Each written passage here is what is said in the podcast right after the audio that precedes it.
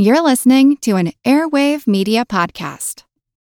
Another day is here, and you're ready for it. What to wear? Check. Breakfast, lunch, and dinner? Check. Planning for what's next and how to save for it? That's where Bank of America can help. For your financial to dos, Bank of America has experts ready to help get you closer to your goals.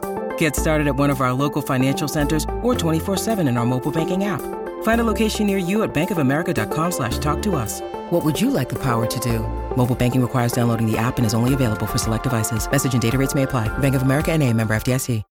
When you need mealtime inspiration, it's worth shopping Kroger, where you'll find over 30,000 mouthwatering choices that excite your inner foodie. And no matter what tasty choice you make, you'll enjoy our everyday low prices, plus extra ways to save, like digital coupons worth over $600 each week. You can also save up to $1 off per gallon at the pump with fuel points. More savings and more inspiring flavors make shopping Kroger worth it every time. Kroger, fresh for everyone. Fuel restrictions apply.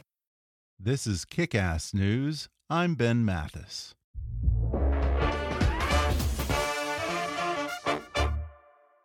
Support for today's show comes from the new Amazon series Homecoming, directed by Sam Esmail, the creator of Mr. Robot. Based on the critically acclaimed podcast by Eli Horowitz and Micah Bloomberg, Homecoming stars Julia Roberts as Heidi Bergman, a caseworker at the Homecoming Transitional Support Center. But four years after starting a new life, Heidi is faced with questions about why she left the facility, and she realizes there's a deeper story beyond the one she's been telling herself. Don't miss Homecoming. Stream now only on Amazon Prime Video. Loop is making engagement ring shopping easier with personal service, expert style advice, customization options, and beautiful inspiration to help you find a ring that fits your style and budget. All Loop rings are hand set, individually screened by their team of experts, and meet the highest quality standards. Finding her ring is a big decision, so here's $100 off your ring to free up some extra dollars so you can take her somewhere nice and really do up that big proposal in style. Just go to loopjewelry.com slash pages slash kick and use code KICK. That's loopjewelry.com slash pages slash kick and offer code KICK. And now, enjoy the podcast. Hi, I'm Ben Mathis. Welcome to Kickass News. With over 100 million albums sold, The Who is considered one of the greatest rock bands of the 20th century. From classics like My Generation to Tommy, The Who defined that generation in the 60s and 70s and broke new ground in rock and roll, creating the first rock opera and inventing techniques like the windmill strum, the power chord, that's C H O R D, and the musical use of electrical feedback, influencing everyone from Pink Floyd to Jimi Hendrix.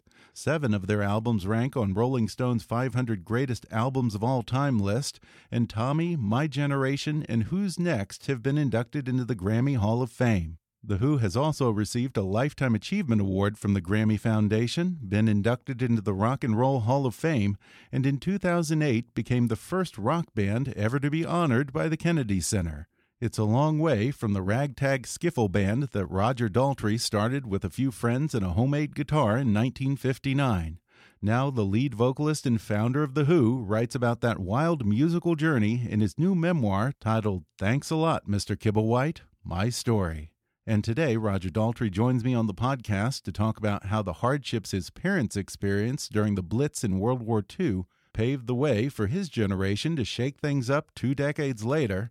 He recalls what it was like to be the poster boys for the British mod revolution and why he never fully embraced that fad, and sums up what it was like to play Woodstock with one word chaos. He talks about how he and Peter Townshend pushed each other's creative boundaries during the making of The Who's Tommy, how he managed to resist the drug fueled excess of the 1960s and 70s, and how it led to quite a bit of tension between him and his bandmates, especially The Who's famously reckless drummer, Keith Moon. He also reveals how he processed Moon's tragic death in 1978 how it led to the band's breakup in the early 80s, and how a Silicon Valley con man got The Who to finally reunite years later. Coming up with rock and roll legend Roger Daltrey in just a moment.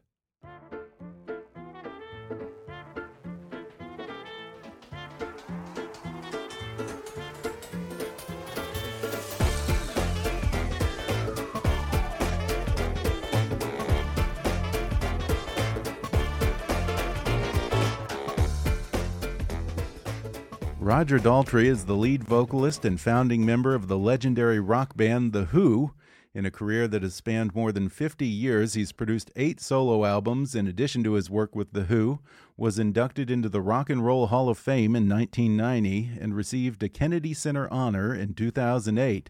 Now he writes about his incredible rock and roll life in a new book that's being called one of the best rock memoirs in recent memory.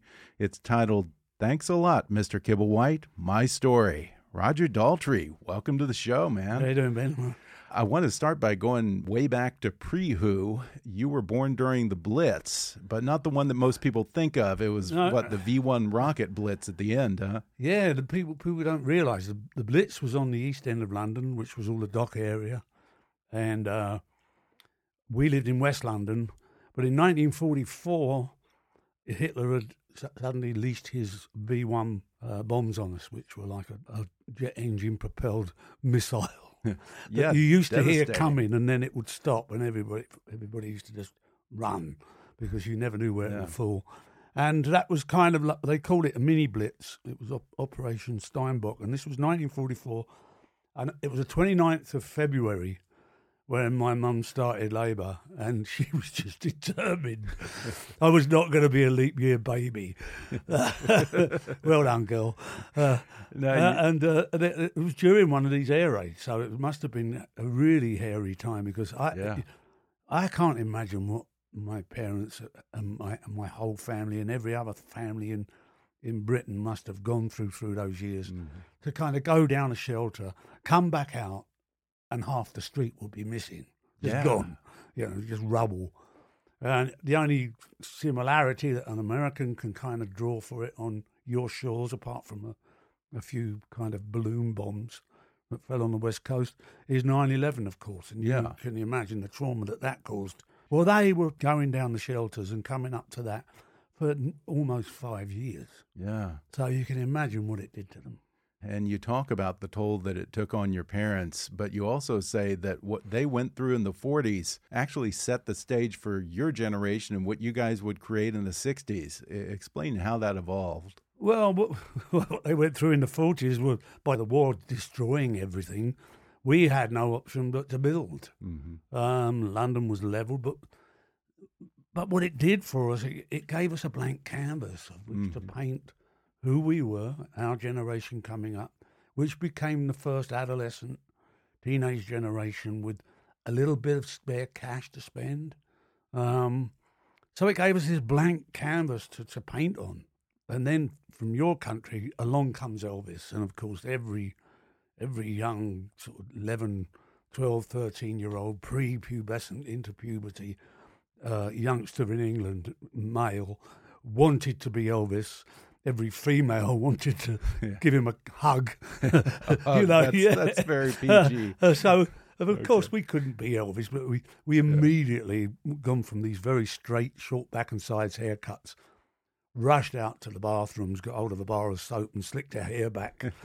uh, because we couldn't afford anything like any kind of hair treatment to, to, to get the same look.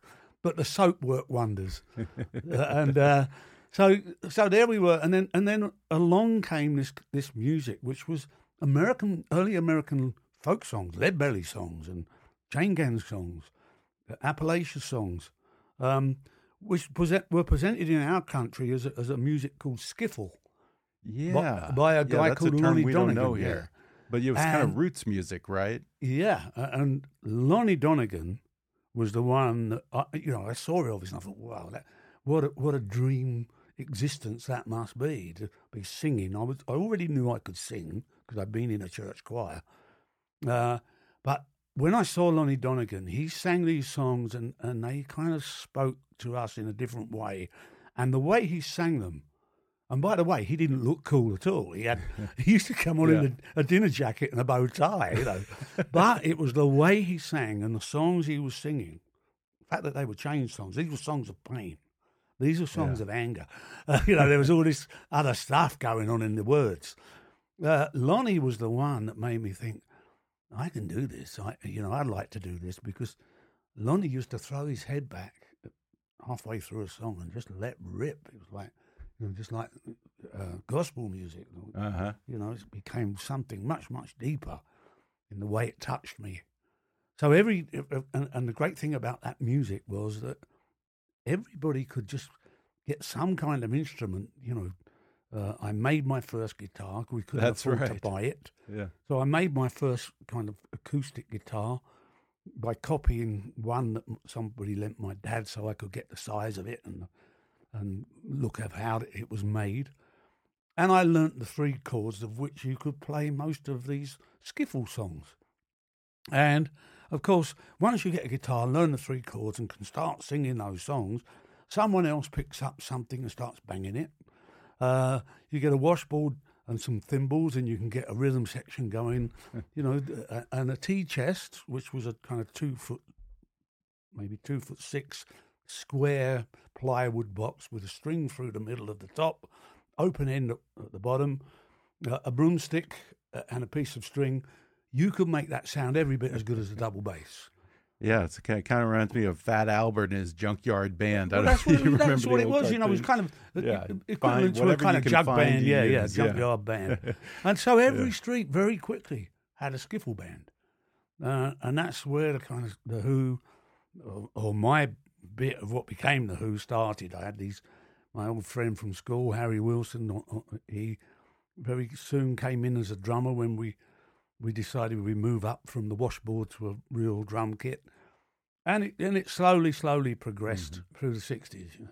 Yeah, and I suppose there are plenty of people who might assume that the Who began with Pete Townshend, but you started the band when you were in what high school, and somewhere along the way he auditioned and you brought him on. What did you think of Pete when you first met him, Well, it, it was. I mean, first came or John when he auditioned? Because you yeah, knew him before that, right? Yeah, I, I, know, I well, I recognised them from school. They were in a year younger than me, but they were the kind of characters that you just could not hide in in a crowd. They would, they stood out. Um, that's the that's the only way I can kind of explain charisma. Yeah. They had it. Even then, they had it, and they stood out in a crowd. You couldn't hide them in a crowd of f- five thousand, especially Pete, who who whose nose at the time was very extremely prominent because we were just coming out of food rationing, which Oh, yeah. incidentally, 1945 was the worst year of the whole year. When the war was over, we had even less food for the first 18 months because we had Yeah. to share what little we had with, with the, Germans. Yeah, And you know, a, a loaf of white bread was was towards you know the middle of 1945 consisted of half a loaf of chalk. just, just to make up the, the amount, you know, and that's what we have been fed on it. But we survived it. Yeah. Anyway, so uh, I'd noticed them at school, and, and, and the first one to join me was John Entwistle, who lived round the corner, and I bumped into him on the street coming home from the sheet metal work factory where I worked, and he was carrying a, a homemade bass guitar, and uh, I thought, wow, someone of my my own kind of mentality here, you know, because I had already made my first uh, uh, electric guitar by this time, and I, I I talked to John, and he said he was in a trad band and he played trumpet most of the time, but he was learning this bass guitar, and he made it himself. It, it was a it wa- wasn't much better than my one, if if as good. uh, and I invited him. I said, you know, you are you in a band? He said, uh, yeah, I'm in this jazz band, and and I, you know, it's really good, and we played quite a few youth clubs and things. I said, so I asked him if he was getting paid, and he said no. I said, he said, you, and I said yes, and I was lying through my teeth. but he, so he invited me along. Uh, sorry, I invited him along to the next rehearsal with the band, and it was quite obvious that John was a musical talent. There was no doubt about it. He has had a musicality about him uh, immediately obvious to me, and he became our bass player. And at the time, we used to have. I used to be on lead guitar. We had another guy called Reg on rhythm guitar, and he wasn't very good at all. And John on bass. Uh, we had, my mate Harry on drums, and we had a singer called Colin. Um, and we were kind of doing what kind of Cliff Richard songs, which is Okay, like the, yeah. the, the, the British Elvis, um, which were all very soft and a little bit twee. yeah. Um, and our and our singer thought he, he kind of was Cliff Richard. we didn't. uh, but anyway, after about six weeks, John said, "You know, we're we're not going to get anywhere with Reg on this rhythm guitar." He said, "I know someone who would fit perfectly in this band." And I said, Oh, yeah, who's that?" And he said, "Well, his name's Pete, and he's in the jazz jazz band with. He was in the jazz band with me." Uh, and he played the banjo. He said, but he's a great guitar player. So I said, oh, I'll bring him along then. So he brought him along the next week, and there was Pete Townshend a, a rhythm guitar, and it was immediately obvious that this guy had something incredibly special because he was playing chords the shape of which we'd never seen, and the sound of which, and the rhythm of which we'd never heard. I mean, and maybe that came from his previous banjo playing. I don't know. Yeah, but he was immediately obvious that this guy was something special. Yeah, it's funny to think that one of the greatest rock bands of all time pretty much began doing Dixieland jazz. well, we used to, but then, then because that's thought? what they used to do, and then, and then of course there was that period through the early '60s where people like Acker Bilk and Kenny Ball there was a period where trad jazz actually mm-hmm. charted, yeah, and became, and, and, of course, in those days when you were playing the, the bars and and the clubs and things that we used to play, uh, if it was in the charts, you were expected to play it. So mm-hmm. the Who actually did go back to be in a jazz band for, for two songs, you know? and I played the trombone. No. So it's quite, it's quite funny, really, when I think back of it. I mean, we, we would have done anything just to earn, earn a crust. Now, The Who became heavily identified with the British mod culture in the 60s, um, but you weren't a big fan of that. In fact, you say it really wasn't much of a movement at all. Well, I, I was, let's put it, it wasn't, I wasn't a fan, fan of it. I kind of loved it. I, I loved the, the fact that it was very different and it was very fashion driven. Mm -hmm. uh, but it just seemed to me that, that the, it, it had its pinnacle period, which lasted about six months, and then it became a mess, just like most fashions do. Um, and that's when I kind of fell out of love with it. And I never could be a mod because I, I had curly hair. That's right. Which was the equivalent the of, you know, having some sexual yeah. transmitted disease. you know, mods can't have curly hair. um, so it was a very difficult period for me. And, and we, were, we were this kind of long haired blues band. And we met, went, met a guy who became our manager called Peter Meaden. But he recognised the importance of this modern, this new fashion movement that was evolving in London and said they need they need a band as their figureheads because the Stones are old hat now. They're done. You know, the Beatles are done. You know, you know, you can't be a, a look-alike Stones. You've got to be something else. Yeah. And this is who it is. So the look-alike Stones walked into a barber shop and walked out as the, the band for the mods, but equally inside. I was still a teddy boy. now, along that same time period, there was an incident where Pete broke a guitar, and suddenly that kind of recklessness became synonymous with you guys, uh, uh, which is something that you sort of resisted. The the reckless image and the '60s drug culture wasn't really for you. You know, when once the drugs kicked into the rock business in a big way, mm -hmm. uh, in the early '60s it was amphetamine, which was mo mostly taken by the groups because we were doing two shows a night. You know, we'd work between 8 p.m. and 11 p.m. Then we drive maybe 50, 60, 70 miles to another gig, and then we work from 2 in the morning till perhaps 5 in the morning. Mm-hmm. Uh, to stay awake that wow. long, uh, that's with the day job as well, by the way. Yeah. This is a Friday night. Oh, that's right. yeah. Uh, that can become quite a long day. yeah, for sure. Because you were working in factories for yeah. a lot of that time. Yeah, that was your I day was. job, and then you the others were still night, at college. John had just started in, in an office, which was a whole different ballgame yeah. than working in a factory. But um, I couldn't do those drugs. I, I, I only wanted to be a good singer, mm-hmm. and the amphetamine used to just dry me up, and my, my voice used to crack, and it was it was uncomfortable. I'd end up chewing my lip, uh, and I just used to, it, they used to make me feel awful. So I mm-hmm. didn't uh, do them. The rest of the guys did, but it was controllable then. But then, the, then, then towards the, the, the 1965, on our first, first tour of Europe, it got very out of control in the Who. They, they were away from home, party time. You know, this is big time party time. Yeah. And I can't remember how many shows we did. It doesn't really matter. But by the last show, they were popping so many pills. The music was not only unlistenable, it was, it was too fast. I couldn't even get the words of the songs into them. They were being played so fast, so loud, and so messy. And uh, I decided that, that this band is either going to go forward or it's going to end. so I, I, I, flushed all their drugs down uh, down the toilet, which caused a, was a rather nasty fight. Yeah, and I guess for a few days you guys broke up until they days, realized a that few weeks. they were getting booed without you. yeah, they they, they did. Yeah. A, I think I, I seem to remember it was about three or four weeks, and they did a few shows without me. But I was fine. I was. I thought when I started this band, and I found that you know these people came to us with the energy of the universe. Somehow or the other, the, the ingredients I needed turned up. Mm-hmm. Can't explain it, but that was it. That's that's what happened. and I wasn't worried at all. I thought well, I'll just start another band.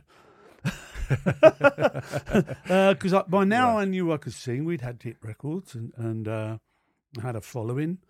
Um, and it was only after a month that the management came back to me and they said, "Look, you," uh, uh, they well, the management went to them and said, "You've got to take him back because he's not mm. working without Roger." They then came. The management came to me and said, "Look, they they want you back, but they'll only have you back if you promise not to fight anymore." I used to rule the band with an iron fist. Yeah, I used to love a scrap. and uh, but you didn't and like so I said, "Yeah, well, that's great." I said, yeah. "But um." There is there's only a slight problem. I said, you know, I will go back, but I'll do it, and I will not fight anymore. I'll, that's that's a deal. That's fine. That, that's easy to control. Um, but I want them to, to, to give me their word that they won't take any drugs before they go on stage. I don't care what they do after. I mean, yeah. that's their business, yeah. and that's fine. I'm not, not, not trying to be a moral make a moral judgment on this. I just wanted the band to be as good as it could possibly mm. be. And you ain't going to do that when you're out of your box on Purple Hearts, you know.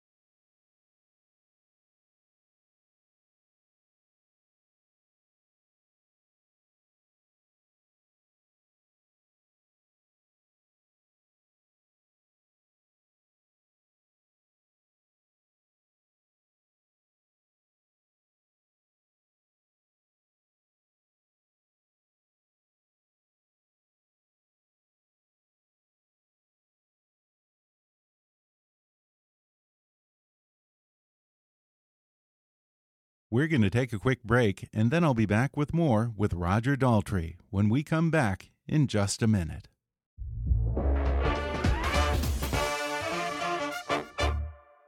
In the next 60 seconds, you're going to learn how the Flatiron School can change your life. The Flatiron School will teach you everything you need to get a job in code, data science, or design, but they'll also prepare you for the jobs that don't even exist yet because this is a school designed to educate you in the art of change.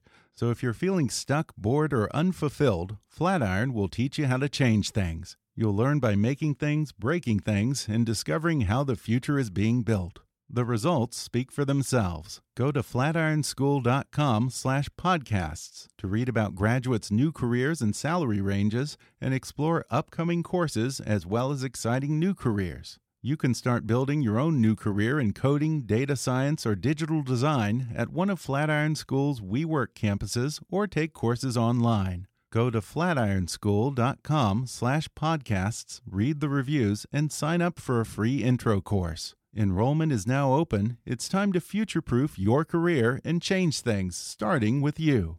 flatironschool.com/podcasts. Almost every day, we hear something on the news about a cyber attack. Sometimes it's just a bunch of pranksters, But more often, it's a foreign country with vast cyber resources trying to hack our power grid, our banking system, or our military's information networks. The National Security Agency plays a big part in protecting our country from cyber attacks, and you can help.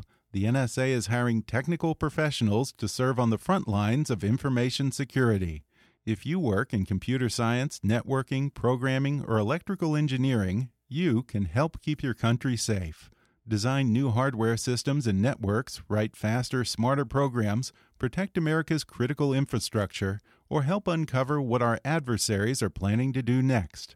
Learn more about careers at the National Security Agency today. Visit intelligencecareers.gov/nsa. That's intelligencecareers.gov/nsa. And now, back to the podcast. There's this famous legend about Keith Moon, who was kind of the the one who was always getting into trouble in the band. He was he, legendary. There's no doubt about that. He drove a Cadillac into a hotel in Michigan. Did you he? didn't personally witness that. Are you skeptical that that ever really happened? Well, you have to read the book about that because it, if I if I say yeah. oh, there's no, you're going to give all the whole book away. Sure, I mean, sure, you, sure. So, so you, um, but you but you you think basically you think that I, I, you, you might have gotten ripped off by the tour manager. Well, right? we was not the tour manager, our management. oh, was, your manager at the time, Kit Lambert. Uh, you had sort of a uh, it sounds like a love hate relationship with him because you say creatively he was brilliant, but as a manager he was pretty much a crook. I mean, when did you well, first realize I, I he was never ripping hated you for off? being. Uh, you, you, you, you got the wrong word. It was, Okay. it was not a love hate. I loved Okay. him. Kit was the most lovable bloke. He was he was everything about him was very lovable. He was gentle, uh, imaginative, incredibly creative, articulate, well educated man, Mhm. uncomfortably gay. And and you've got to remember, in this period of the '60s when we we first met him, it, that was illegal. You could Yeah, go that to was jail. still illegal in the you UK. could go to jail You're for being yeah. gay. I mean, how Yeah. ridiculous was that? Um, so, no, it was never love hate. It was always love. But he Right. had this side of him which I only became aware of in 19, 1970, I think it was 73, um, where it was quite obvious that they were screwing us. Mhm. Um, and in and it was unnecessary. It was stupid. I never ever wanted to get completely rid of them um, because of their creative genius. Both Kit and Chris Stamp, bro- brother of Terence Stamp, the actor, were our managers, and they were incredibly creative, and, and that I never wanted to lose from the band. Um, but we, but I, we found them screwing us, and later on, it, it all turned very nasty. Uh, but you know, again, you have to read the book of the reasons why. um, and uh, it was it was very sad for me. And I again, it, the drugs took them. I wish I had known now what what. I, I wish I I knew then what I know now. Um, maybe things could have got gone different, and we Mm-hmm. could have intervened in a way that could have helped them. But they were, by the time the end came for Kit, he was very, very heavily, heavily, heavily into mainline drugs. Yeah, I think that you said in the book that you guys would go on this long tour and work your asses off, and then you would come back to your accountant and find out you guys were in debt. From Oh, the we we, tour. We that do these. Like, it was hysterical. no, we had we had a meeting on it. And I, I can't ever forget it. It was in 1971, and by this time we'd had hit records and for six years. And we had this meeting at our accountant's office, and he said, "You've done all, you've done really well this year. You've done all this work, done fantastic work." And you know, la- you know, last year you were over. It was about five hundred and fifty thousand pounds in debt. And this year, you'll be glad to know it's only gone up to 650. Wh- At which point, uh, uh, Keith, uh, sorry, Keith, he he completely stripped naked and put his balls on the table and his legs in the air. he said, "You want these as well?" Uh, I want to ask you a little bit about what might be considered your most creative period. There was this transitional period between my generation and the Who's Tommy. Where the music was transforming sort of into this representation of Pete's inner monologue, and you busted through the bravado of the Mick Jagger style to explore deeper, less comfortable themes. As the front man of the band and the one who had to give voice to those lyrics, what was that transition like for you? That that was a very uh, tricky time for me um, because I, I I recognised Pete's genius as a writer very very early on, and and I was very comfortable with it right up to my generation. They're quite, you know, that was music to fight to. Yeah, uh, real rock music. And then all of a sudden, uh, uh, and this was straight after the breakup and me being reintroduced to the band, I get presented with songs like Happy Jack Right. I'm a boy. Pictures of Lily. um, and I'm going, I don't, I had this, you know, I had a kind of blues voice. I'm thinking, how do I get myself into this? So I thought, well, the only way I'm going to do this is to and try and get some psychological understanding of Pete's interior. Uh, and I, that's where I tried to mold what my, I tried to mold my voice into. And when I listen back to it now, I kind of succeeded because it almost sounds like I'm singing from the inside of myself. It's very hmm. weird. Yeah. Okay. There's a yeah. quality to yeah, it that is haunting. Yeah. And you you two kind of fed off of each other yeah, it's very weird. It's very, very, yeah. you know, because in the end, it, every singer songwriter relationship to work really well has to have, and it, it, it's all about empathy mm. to each other. Yeah. And, and and it shows that it was it was working even then, even though I was struggling every day with it. But the struggle now I listen back was well well worth it. Yeah, yeah, it worked big time.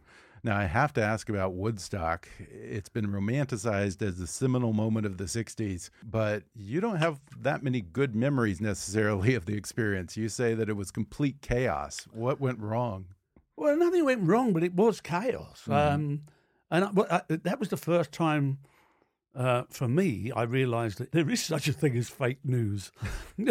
Because uh, on every news channel, I mean, I was in Connecticut uh, with staying with my my mother and f- to be father-in-law uh, at their house with, with with Heather, my future wife, and we we put on the TV, and of course, every headline news was about what a disaster Woodstock, how it had been rained out, and governor declared it a disaster area. All the roads were blocked. Artists were being flown in and out by helicopter. It was, you know, it sounded like a war zone yeah. on the news. so, so on, on, the, this was on the Friday night, the first day of the festival. Anyway, we were due to play on Saturday night, and, and, and I'm still in Connecticut preparing, thinking, well, how are we going to get there? Now they've blocked all the roads because we were going to just drive there. So anyway, uh, so, Heather's dad just said, "Don't worry," he said, "I'll drive," and we'd we'd jump in the Volkswagen. Uh, so we went. We went to Woodstock in a Volkswagen Beetle. and Herbie went to Woodstock, and he went. went you know, when it came to a roadblock or anything like that, we just drove, drove up the grass yeah. verges and, and, and, around the, around them, and people just waved us through. Yeah. Um, but it was chaos, but it was a kind of wonderful chaos. Mm-hmm. You know, when you go to those events, all you want to do is a great show. Right. Uh, and when you turn up to do the show, and we turned up at uh, seven o'clock at night, and you don't get on stage till five o'clock in the morning, you, and, yeah. and everything, you haven't had anything to eat because there was nothing to eat, and, and, whatever there was to drink was all laced with something or the other. Uh, um, you, you know, it becomes very difficult to kind of to kind of do the show you're capable yeah, of. Yeah, it's a lot. And I never thought we ever did a great show at Woodstock, but we did a show. yeah, and I think um, you said the promoters tried to screw you, didn't they? Well, the, the promoters didn't, didn't want to pay, pay anyone. Um, they didn't want to, but we had to get paid because we you know, it cost us a lot of money to get there. Yeah. Uh, and it was going to cost us a lot of money, or or let's look, put it this way: we'd have to learn to do a lot of swimming to get back. Fast forward to the early '80s, Keith Moon passed away rather tragically, and you say that you and Pete had been expecting that day to come for years. When it finally happened, how did the two of you process that? Uh, It was hard to say the least, but you know, and it stayed with us. The music saved us. We mm. thought, what what what do we have left? Because what it was, it was you, you, you um, what we created, and what we realised very quickly was that, that that whatever Keith created in his life existed mostly in his music, in the music we played mm. with him on the drums. Um, so it became quite after after we kind of got we we you don't get over the grief of that for years. Sure. And I mean years, because um, he was he was such a character. Um, but we had the music, and that's what drove us on. And it was the same thing when John died. The music was all important. What we were given the gift of to create together um, comes first in the end. Pete had said The Who was four people who never should have been in a band together. And yet, you guys, the four originals, lasted for a really long time for a rock band. Is that what you would attribute that well, Pete says to? we should never have been in, in a band together, but that's because maybe maybe to make the kind of music we were making, which has its own special kind of algorithm. Uh, uh, uh, uh, uh there's something about Who music that is mm. so unique. Oh yeah. And it and it and for instance, when Kenny joined the band after Keith died, Kenny is a fabulous drummer. But it just did not work with the Who. Yeah. And and I say that not as an insult to Kenny, it's just that his algorithm was different. I mean, it was just it would have been similar if you'd put Keith Moon in the faces. It would have been you can't imagine Keith Moon in the faces. I mean, yeah. that that would have no no longer been a fun sing along, yeah. sing along a faces band, would it? it would have been, Whoa, what's going on here? Uh, so yeah. you so it was a similar thing with yeah. putting Kenny in the Who. So um, you suddenly realise then that Ken, like Keith, Pete might have said, you know, we you would never have put us four people together, but maybe that's where greatness comes from. Is when you take enormous chances with characters, and four completely different characters, yeah. all alpha males, all kind of all very quirky in, in, in different ways, and but it worked, and yeah. we created something totally original. You know, if it, if if you put you know four people that who you, you would expect to be in a band together, you get what you expected, and it would yeah. be dull. Yeah, nothing surprising, nothing. There you, was you nothing don't break, dull break about any ground like that. After Keith died, you guys took a break for a very long time, and then I guess it was somewhere around the late '90s that you finally reunited. And in one of the crazier stories in the book, you say it was all because of a total con man. Who who was this guy? Oh God, we got an offer come through for a ridiculous amount of money. I mean, it was two million, two or three million dollars to do one show in Las Vegas. Uh, but the, if the Who appear, the, with one caveat, the show was to be staged to promote a company. I can't, oh God, what was it called? Help me, help me out. Uh, it, it, was, I think, it was a tech company. Yeah, it was right? a tech company. It was, a, it was, it was in the dot com bubble. Shell company. It was a fraud, yeah. right? And and so this guy, this guy had this company uh, that was that apparently was going to be doing early streaming on the internet. This was okay. way back in in in 1999. Okay. Sounds promising. Yeah, and it, of course it did. It was three million dollars or two million dollars or some extraordinary amount of money. So, but with the caveat that one of us had to go down to this big tech conference on the south of France and talk about this company and it, Pixelon. That's what it was called, uh, and talk about the uh, the company and, and and what it you know aimed to do. So of course Pete didn't want to do that bit. He wanted to do the gig for the money, but he didn't want to do the, the schlepping out the south of France and do the spiel. So I so I went down there and uh, suddenly realised I, I, you know I, I didn't have a computer. I knew nothing about the tech, tech industry at all. but I looked at the notes. I thought well, this is all right. And when I went down there, it was like I say, it was, it was the early days of, of the dot com bubble. And I was talking to all these people, talking all this stuff that I didn't understand, but it all, all sounded like cobblers to me. it, you know, I thought, well, if they can talk cobblers, I can talk cobblers. so I made I went up and did did did the did the speech to, to sell this Pixelon. We can this company's going to do this, and when the bandwidths do this, and the when the bandwidths get bigger, pretending to know about bandwidths. The only bandwidth I knew was the, the width of the Who. Yeah, the band you were with. exactly. but so uh, anyway, but um, so I did that bit, and I got he he paid all the bills. Everything was up front. We went to Vegas. We did the gig. Got paid. Everything fabulous. On the same thing, the same same event. I think I think Aerosmith was on it, and loads Yeah, of other big these bands, bands. yeah. huge bands. Then it turned out uh, about three weeks later that the guy had been arrested. Everybody had been paid, by the way, by this time. Uh, that the whole thing was a confidence trick. you know, the Las Vegas job. Yeah, it was, he. It was a guy who just wanted to have a huge party on the dot com bubble, and that's what he did. He didn't make any money out of it. He just wanted to have a party Yeah. for all his mates. Everybody But got you got for paid. free. Yeah, we got paid. Okay, so who cares? Hey, whatever. yeah, and I learned to talk bullshit. and the ba- and the band got together because of that. Um, real quickly before we go, you're not 20 years old anymore. What kind of a toll does it take when you're touring these days?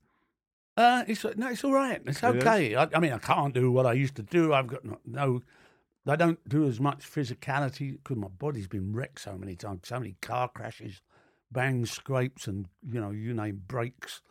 Um, equally, I can still swing the mic when I want to. I I don't need to do it now. I'm more into making our music Mhm. better than it's ever been. The music because that's going to be our legacy is is Townshend's music, and and I want to just get people to hear it as as as good now as it ever was, if not better in different forms. So that's my mission now, uh, and at the moment we're still doing that. If I ever come off stage and think I, I'm not delivering it in the way it should be delivered, because there is an energy in the Who that has to be there. Yeah. Uh, and if that flame ever leaves me, I will stop. I won't cheat my public. It's too important to me because then, then you're just dialing it in. And I've seen a lot of bands do that, and I loathe it. It's an insult to the audience. Yeah. And it's and I I remember just as a kid of, of 14 years old saving up from my Saturday job to go and see Cliff Richard and the Shadows at the Chiswick Empire in those days, and that ticket cost me a lot of money. Uh, and they were brilliant that night, and it, and I realised then that when you look out at an audience from the stage in this privileged position that we occupy, every one of those people, what they've gone through to put their bum on that seat, you owe it to them to mm-hmm. be there. And if you don't, Yeah. you know, you deserve a kick in the ass. And there's a lot of bands I like to kick in the ass. I don't want to mention it, no names.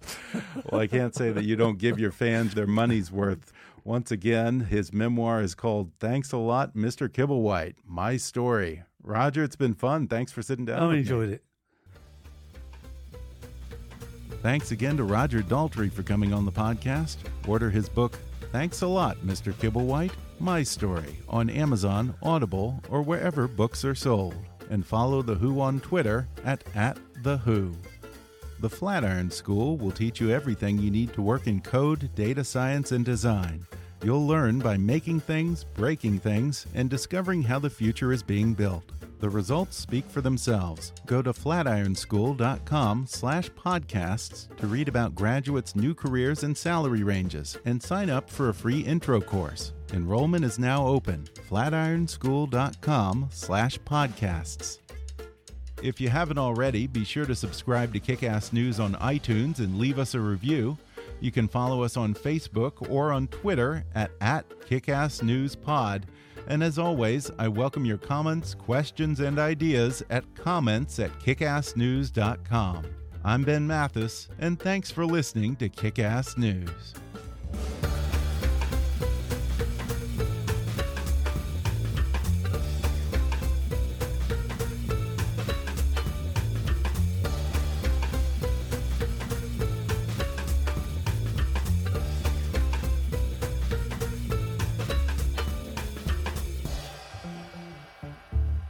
Kickass News is a trademark of Mathis Entertainment, Inc.